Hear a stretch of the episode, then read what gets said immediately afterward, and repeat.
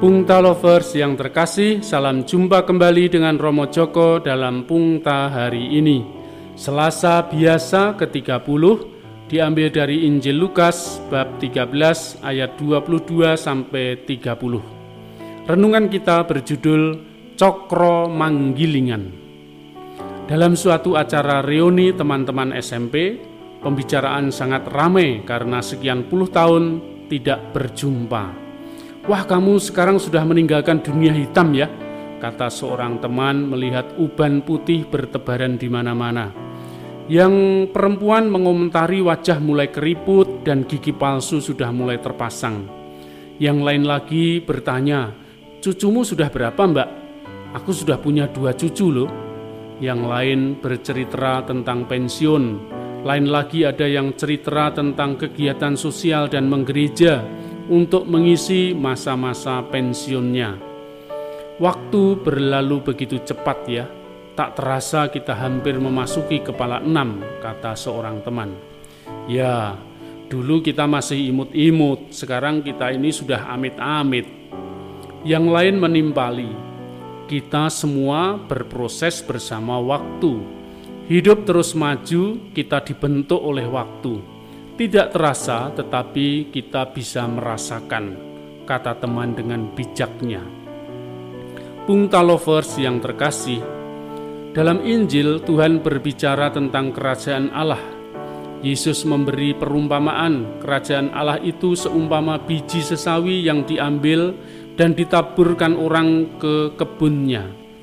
Biji itu tumbuh dan menjadi pohon dan burung-burung bersarang di rantingnya. Yesus juga mengumpamakan kerajaan Allah itu seperti ragi yang diambil seorang wanita dan diaduk-aduk ke dalam tepung terigu tiga sukat sampai seluruhnya beragi. Biji sesawi dan ragi itu bekerja tanpa disadari. Biji itu tumbuh dengan sendirinya dari kecil menjadi besar dan tinggi sehingga burung-burung bersarang di rantingnya.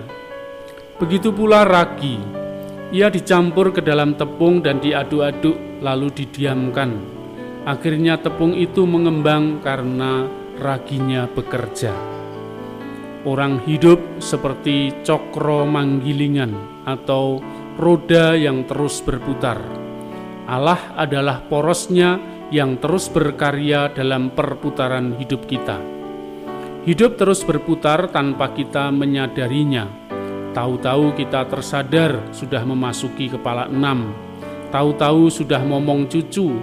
Tahu-tahu senja hidup mulai menjemput. Sudahkah kita hidup dengan baik? Hidup kita ini bertumbuh menjadi pohon rindang tempat berteduh dan bersarang. Sudahkah kita menjadi ragi yang membuat roti bisa berkembang?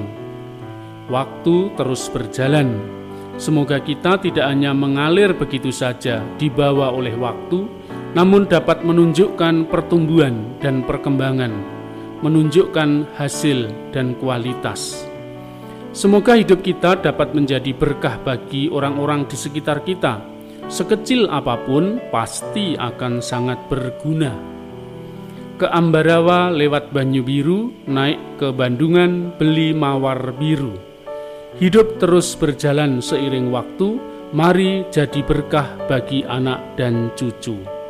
Sekian, sampai jumpa. Salam sehat. Jangan lupa selalu bersyukur agar kita bahagia. Berkah dalam.